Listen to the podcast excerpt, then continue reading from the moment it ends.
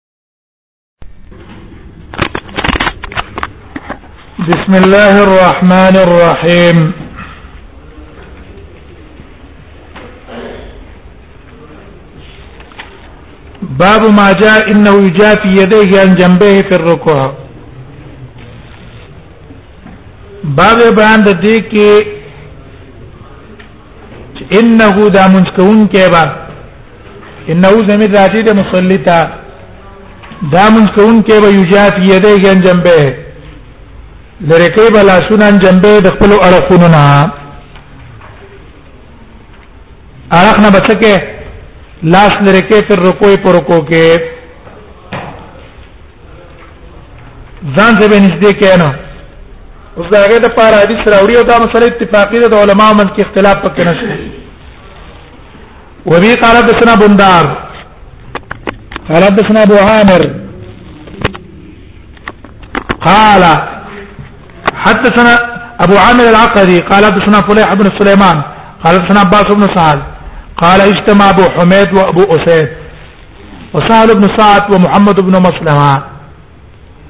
دا ټول راجم شو وذكروا صلاه رسول الله صلى الله عليه وسلم و دې د نبی صلی الله علیه وسلم مونږ ذکر کو چې رسول الله صلی الله علیه وسلم په کومه طریقه مونږ کاو فقال ابو حمید ابو حمید پکې ول انا اعلمکم بصلاه رسول الله و ما ته د نبی صلی الله علیه وسلم مونږ معلوم ده د دا لفظ عالم ذکر ویلو چې کېرې شي دبا کم علامات باندې قتل کړي او ګمان دا چې ګینه نور صحابه به دا علامات دي نه ذکر ویل انا اعلمکم ان رسول الله صلی الله علیه وسلم رکع نبی سم رکو کړه به وګت طریقې بیان کړي امام ترمذی رحمه الله د ترجمه الباب د اثبات لپاره او مکه جمله راوغستله ځکه که هر مسلې لپاره وګد وګد هیڅ بیان نه خوري مسلې کنه دیو جن علما څه کوي تقطیع کوي هغه مسله تراوالي ان رسول الله صلی الله علیه وسلم رکع نبی صلی الله علیه وسلم رکوع کړه فوضع يديه على ركبته بیا نبی سلام کې قد لاسونه على ركبته په زنګونو نه زنګونو یې چوکړه لاسونه کې قص كانه قابض عليهما ويا كده نیولې دي ووتر يديه او لیندې جوړه کړه لاسونه لاسې د سینې کړو کړه وتر جوړ کړو ولی دلته املا کګه شو نو خپم نه غې شوې دلته لاس کې خود نو خپل ته سره غې لنده ته جوړه شو فانا حافظ عن جنبه اذا دوړې د لخونه لری کړه مسله اتفاقی دی چې اختلاف پکې د علماو نشته قال وفي الباب عن انس انس نو دقه روایت نقل له قال ابو سعيد ابو حميد حسن حسن السعيد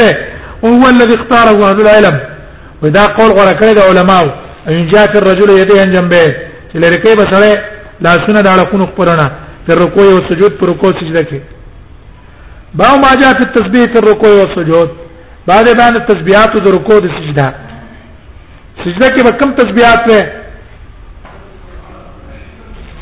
هر قسم تسبيحات پکې جایز دي چې کم دی ویاله وګړل شي صرف احناف دا فرق کړی لکه رستو به اشاره وته کی احناف دا وایي چې پر رکوع کې په پردي مانځ کې با سبحان رب الاعلى سبحان رب العظیم به او ربنا لك الحمد وای او په نوافل کې د وګړي دعاګانې کولای شي لیکن په دې فرق باندې دې څه دلیل نشته ولا روایت د علی کتاب څخه ویل رسول الله صلی الله علیه وسلم په پرځي مانځ کې اذا قام الى الصلاه المكتوبه روایت ابو داود کیو کرا او روایت تاریخ الدین کې قید ته مکتوبه ده چې اذا ابتدا الصلاه المكتوبه چې فرض مونږ به شروع کو نو دا دعا به کوله وجهت وجه للذي فطر السماوات والارض حنيفا غره په پردو کې د قوګدیب دی دعاګانې کړي دیو نه دا فرق په مابین د پردیو نه پلیکي راشي نه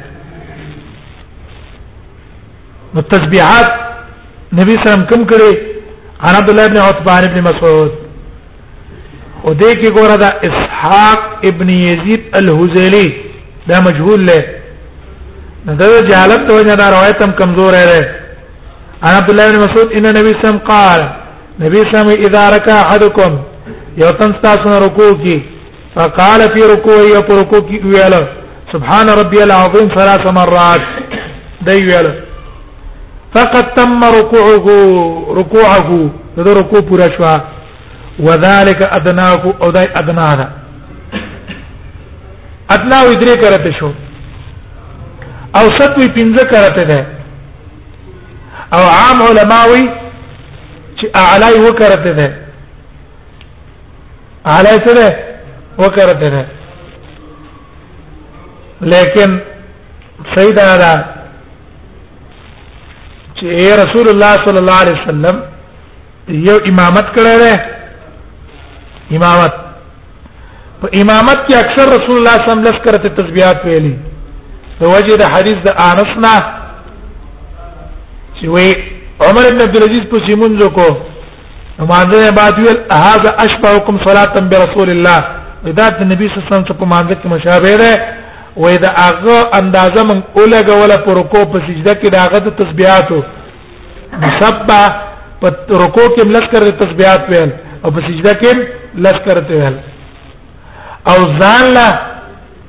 بیا چې څوره دی وکړه دا کې خبره نشته او نفس پرزیت ادا کی په سبانه په یو ځل تسبیح باندې ولی رسول الله صلی الله علیه وسلم فرمایلی و هغه چراغه فسبح باسم ربک العظیم قال اجعل فی رکوعکم رکوع کیو ګرځوي نفس یو ځل سبحان ربی العظیم تا او استا رکوع څه فرضیت دی ادا شي او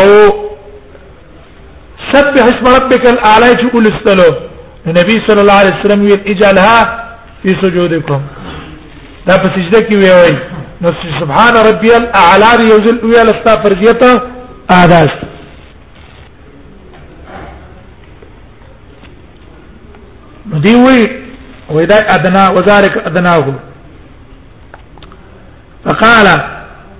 واذا سجد سجد وکړه فقال في سجود سبحان ربي الاعلى ثلاث مرات فقد تم سجود سجده پورا شو وذلك ادناکو دا ادنا د دې قال لا في الباب عن حذيفه وعقبه بن عامر په دې باب کې د حذيفه نم روایت نقل له او د عقبه ابن عامر نم روایت نقل له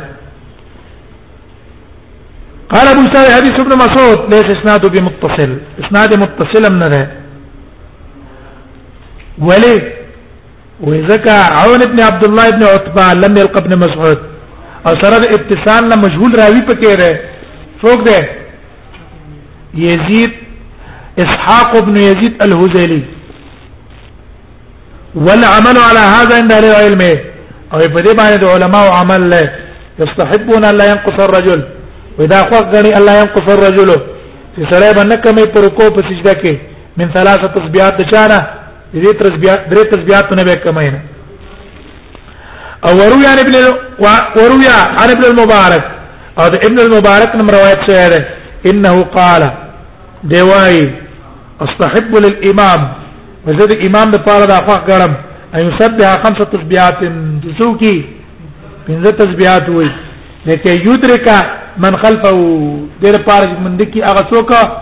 چې دغه نشاته دي رستنی کسان چې مند کی ثلاث ستسبيحات چې هغه کم از کم پنځه کر درې کرتی خوې کړه وقال وهكذا قال اسحاق بن ابراهيم ولكن دا قول عبد الله بن مبارک چې امام په پنځه تسبيحات وای په دې اوس څه دلیل نشته تو څه نشته څه دلیل څه نشته دیو جن شوکانی سے اپنے اولتار کې هغه راځه کړی دا خبره چې نه د امام با د لست تسبيحاتنا زیادت نه کوي مگر الا چې قوم باندې څه راځي قوم به خپه کیږي نه که قوم په نه خپه کېدو لسنه زیادت کوي د وجه د حدیث په انس چې موږ بیان کړو او کنه بوج پر راتلو نه بزیادت نه کوي وبي قاسم محمود بن غيلان قال سنا ابو داود قال انبانا شعبه عن سليمان بن مهران قال سمعت سعد بن عبيده يحدث عن المستورد عن سلة بن ظفر عن حذيفه انه صلى مع النبي صلى الله عليه وسلم فكان يقول في ركوعه ركوع کې سبحان ربي العظيم او په سجده کې سبحان ربي الاعلى ویلو دی ویلي دي هم به بعض علما وایي چې رب په مانزه کې په پردي مانزه کې سبحان رب الاعلى او سبحان رب العظیم ویل بهتر دي ولې نبی صلی الله علیه وسلم په امر کړی دی اجلو فی رکوعکم او فی سجودکم امر پر راغله دیم قول علما دا ده چې نه وی رسول الله صلی الله علیه وسلم په اخر کې په رکوع کې څه ویل سبحانك اللهم ربنا وبحمدك اللهم اغفر لي او سبحانك اللهم ربنا وبحمدك اللهم اغفر لي په سجده کې ویل يتأول القرآن ودا بهتر ده دا اختلاف سره بهتر والی کې ده وما تعالى آية رحمة او نه راغله په آیات رحمت الا وقف مگر التب ادریدو خدا پڅ کې دا په نپلی مانځ کې آیات رحمت براغه دعا به وکړي چې الله مال له جنت راکا یا ما ته مغفرت وکا وما اتى على آیت عذاب او نه راغره په آیات عذاب الا وقفا مگر البته به درې درو تعوذ او پنه به وختره الله نه عذاب نه چې الله دې عذاب نه می بچ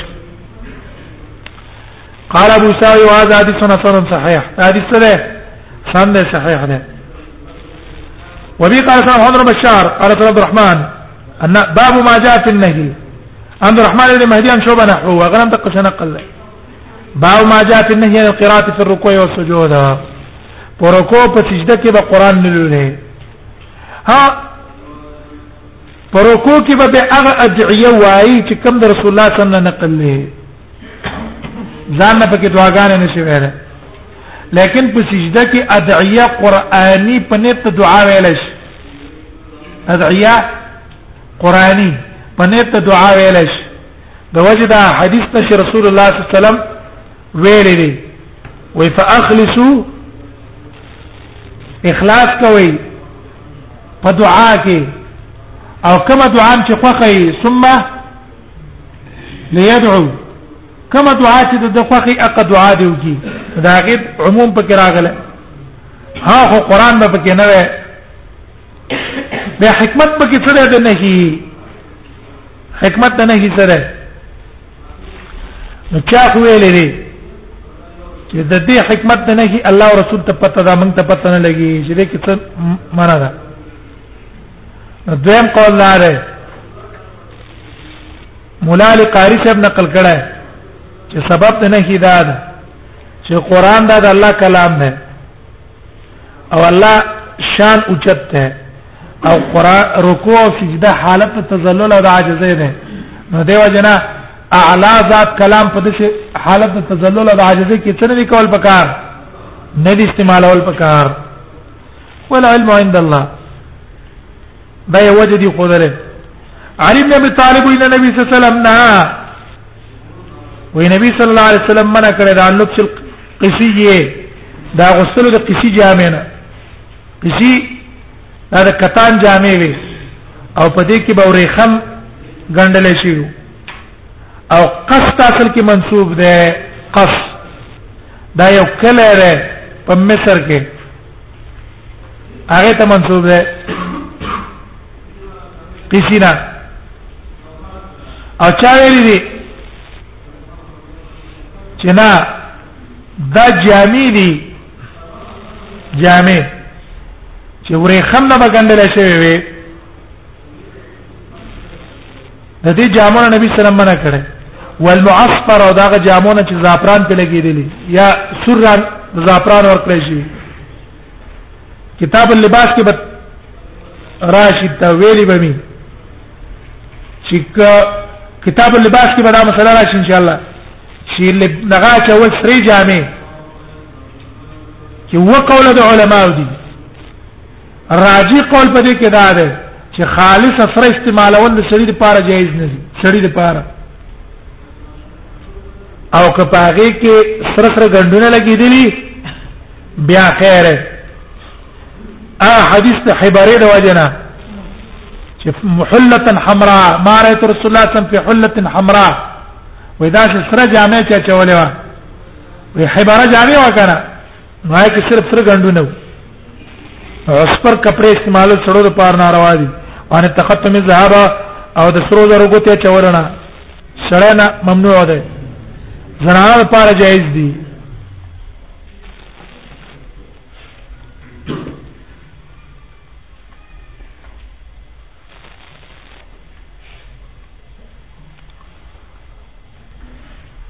وان اقرا القران راکعا او ساجدا او زه من کړم من شوم د دینه چې زه د اولم قران پر کو په سجده کې انا اقرا القران وعن قراءه القران او د قراءت قران نه پر کوپ کې ګور به دې روایت کې ګورای په دې روایت کې منه د امت امراله نبی صلی الله علیه وسلم منه منګه مکړه کنه نو کوم روایت کې چې دی انا نهیت انا قرأ القرآن لك ابو داود کې به تراش نهیت نو هغه نبی صلی الله علیه وسلم منشه او هغه نهی د نبی صلی الله علیه وسلم امت ته امت ته هم شامل ده د وجه دی حدیث نه دې حدیث نه وفي الباب عن ابن عباس دې باب کې د عبد الله ابن عباس کوم روایت نقل نه قال ابو سعيد حدیث والی حدیث حسن صحیح حدیث داری حدیث حسن دی صحیح دی او قول علم من اصحاب النبي صلی الله علیه وسلم دا قول د علم د اصحاب النبي صلی الله علیه وسلم نه ومن بعد ما درست خلقو کره القراءه في الركوع والسجود چې دی په رکوع په سجده کې قران لستلا دا مکروه دي باب ما جاء في من لا يقيم صلبه في الركوع والسجود دلته اوس مسله ذکر کړي اعتدال باب بیان د هغه چا کې چې نه برابرې خپل شا پر کو په سجده کې څنګه کوي اعتدال نه کوي او رکو ته لاړو او رکو کې وخت تیر نه کو سم دوه را پورته شو اې دې مونږ دا صحیح ده کنه ده دې ته تمانینیت او اعتدال وي دا تمانینیت او اعتدال کې اختلاف دی د علماو یو مذهب دی د جمهور علماو چې باغ جمهور کې صاحب امام یوسف هم نه اغي وی اعتدال په مانده کې فرض نه فچا اونکو مونږ دی باطل نه استدلال په دې وسنی ولا چې لا تجزئ صلاه لا يقيم الرجل فيها يعني صلبه في الركوع في السجود وفي السجود په دې حدیث استدلال نه ولا چې دا هغه مونږ سره کیږي نه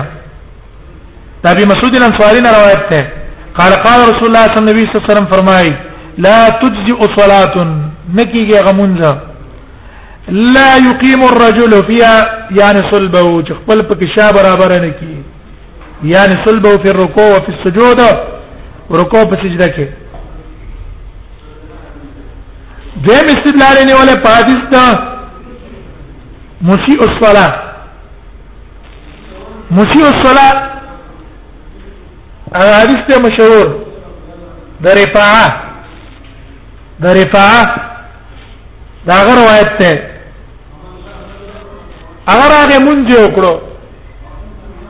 ورکو سجده کې څو نکړه شی برابر نکړه نو رسول الله صلی الله علیه وسلم ته ویلو ارجع فصل فانك لم تصلي واپس من اوکا فانك لم تصلي استامن چه نه ده دا دلیل په دې چې قومه جلسه اعتدال فی الرکوع والسجود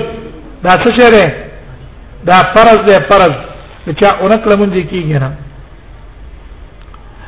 دیم قول د امام بونی فرحم الله علیه او د امام محمد ده دا غنه اقوال مختلف دي یو قول د وجوب ته نقل له او بل قول د سنتیت ته نقل له چې جلسه او قومه سنت تا او یو قول ته د وجوب نقل له چې واجب نه تحاوی ته قول د وجوب نقل کړه دلیل وی واجب ده او فرض نه ده دلیل د وجوب د پاره دا حدیث ده دا حدیث او د فرض دغه د پاره چې فرض نه ده یو دی استدلال نیولای په آیات وی ګوره آیات کې الله وایي ارکعوا او وسجدو رکوع رکیږي ستا وې رکوع لفظ چې خپل معنا ده واضح معنا ده مطلق انحنا مطلق انحنا او سجده معنا څه ده الخرور على الارض بالوجه چې دا مخ پس مکه باندې کې دي دي ته ویل کیږي څه دي ته ویل کیږي سجده دښوا نو مطلق سجدا او مطلق رکوع دا پرشوا د آیات د وجنه او دا حدیثه من د آیات لپاره مقید هم نشو ګرځولای چې من وایو چې رکوع مطلقه ده سجده مطلقه ده او دا ول مقید شو تقید یې ولا نشو ګرځوله او مجمع اجمال ولا نشو کوله چې آیات مجمل له داوله تو ګرځو مبین له ګرځو نو دې وجنه مطلق انحناء او مطلق سجده پرشوا او دا اعتدال د حدیث د وجنه د حدیث د وجنه واجب دیم استدلال دیونی سی په حدیث د دقه مسیء الصلاه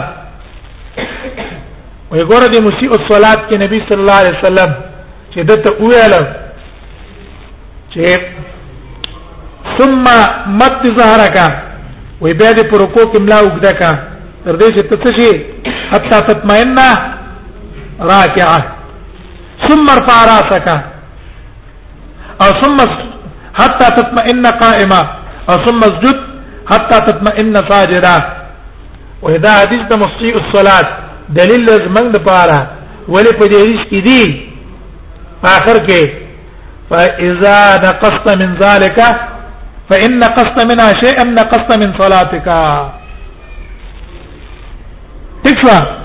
وای کتا دا شینه پورا ادا کړ مونږ دی پورا کو او فإن قصد شيء من ذلك کدی کې د نقصان راوست په مونږ کې د نقصان راوستو نو ګوره نبی صلی الله علیه وسلم د دې مونږ ته مونږ ویلو خو ناقص یو ته ویل نو که چرته دا فرض وې نو په کار دا چې د مونږ ته څه نه ویلې مونږ دې وته نه ویلې وی شي په طریقه د استدلال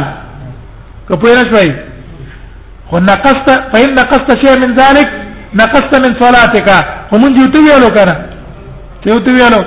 مونږ جو تو ویلو خو ناقص یو تو ویلو او بس دا من خبره شو چې واجب حکم داغه جواب هغه کړه ده چې آی والا جواب کړه ده چې آی والا ګوره دا جواب خو عینی نه نقل کړه وي په دې حدیث باندې استدلال نیول ټیک ځکه نه دی چې دلته رسول الله صلی الله علیه وسلم چې تویلی فإن قصت شيئا من صلاتك دا صلاتك دا اضافت دلالت کوي په دې چې دا ستامون دي خو ستا په ګمان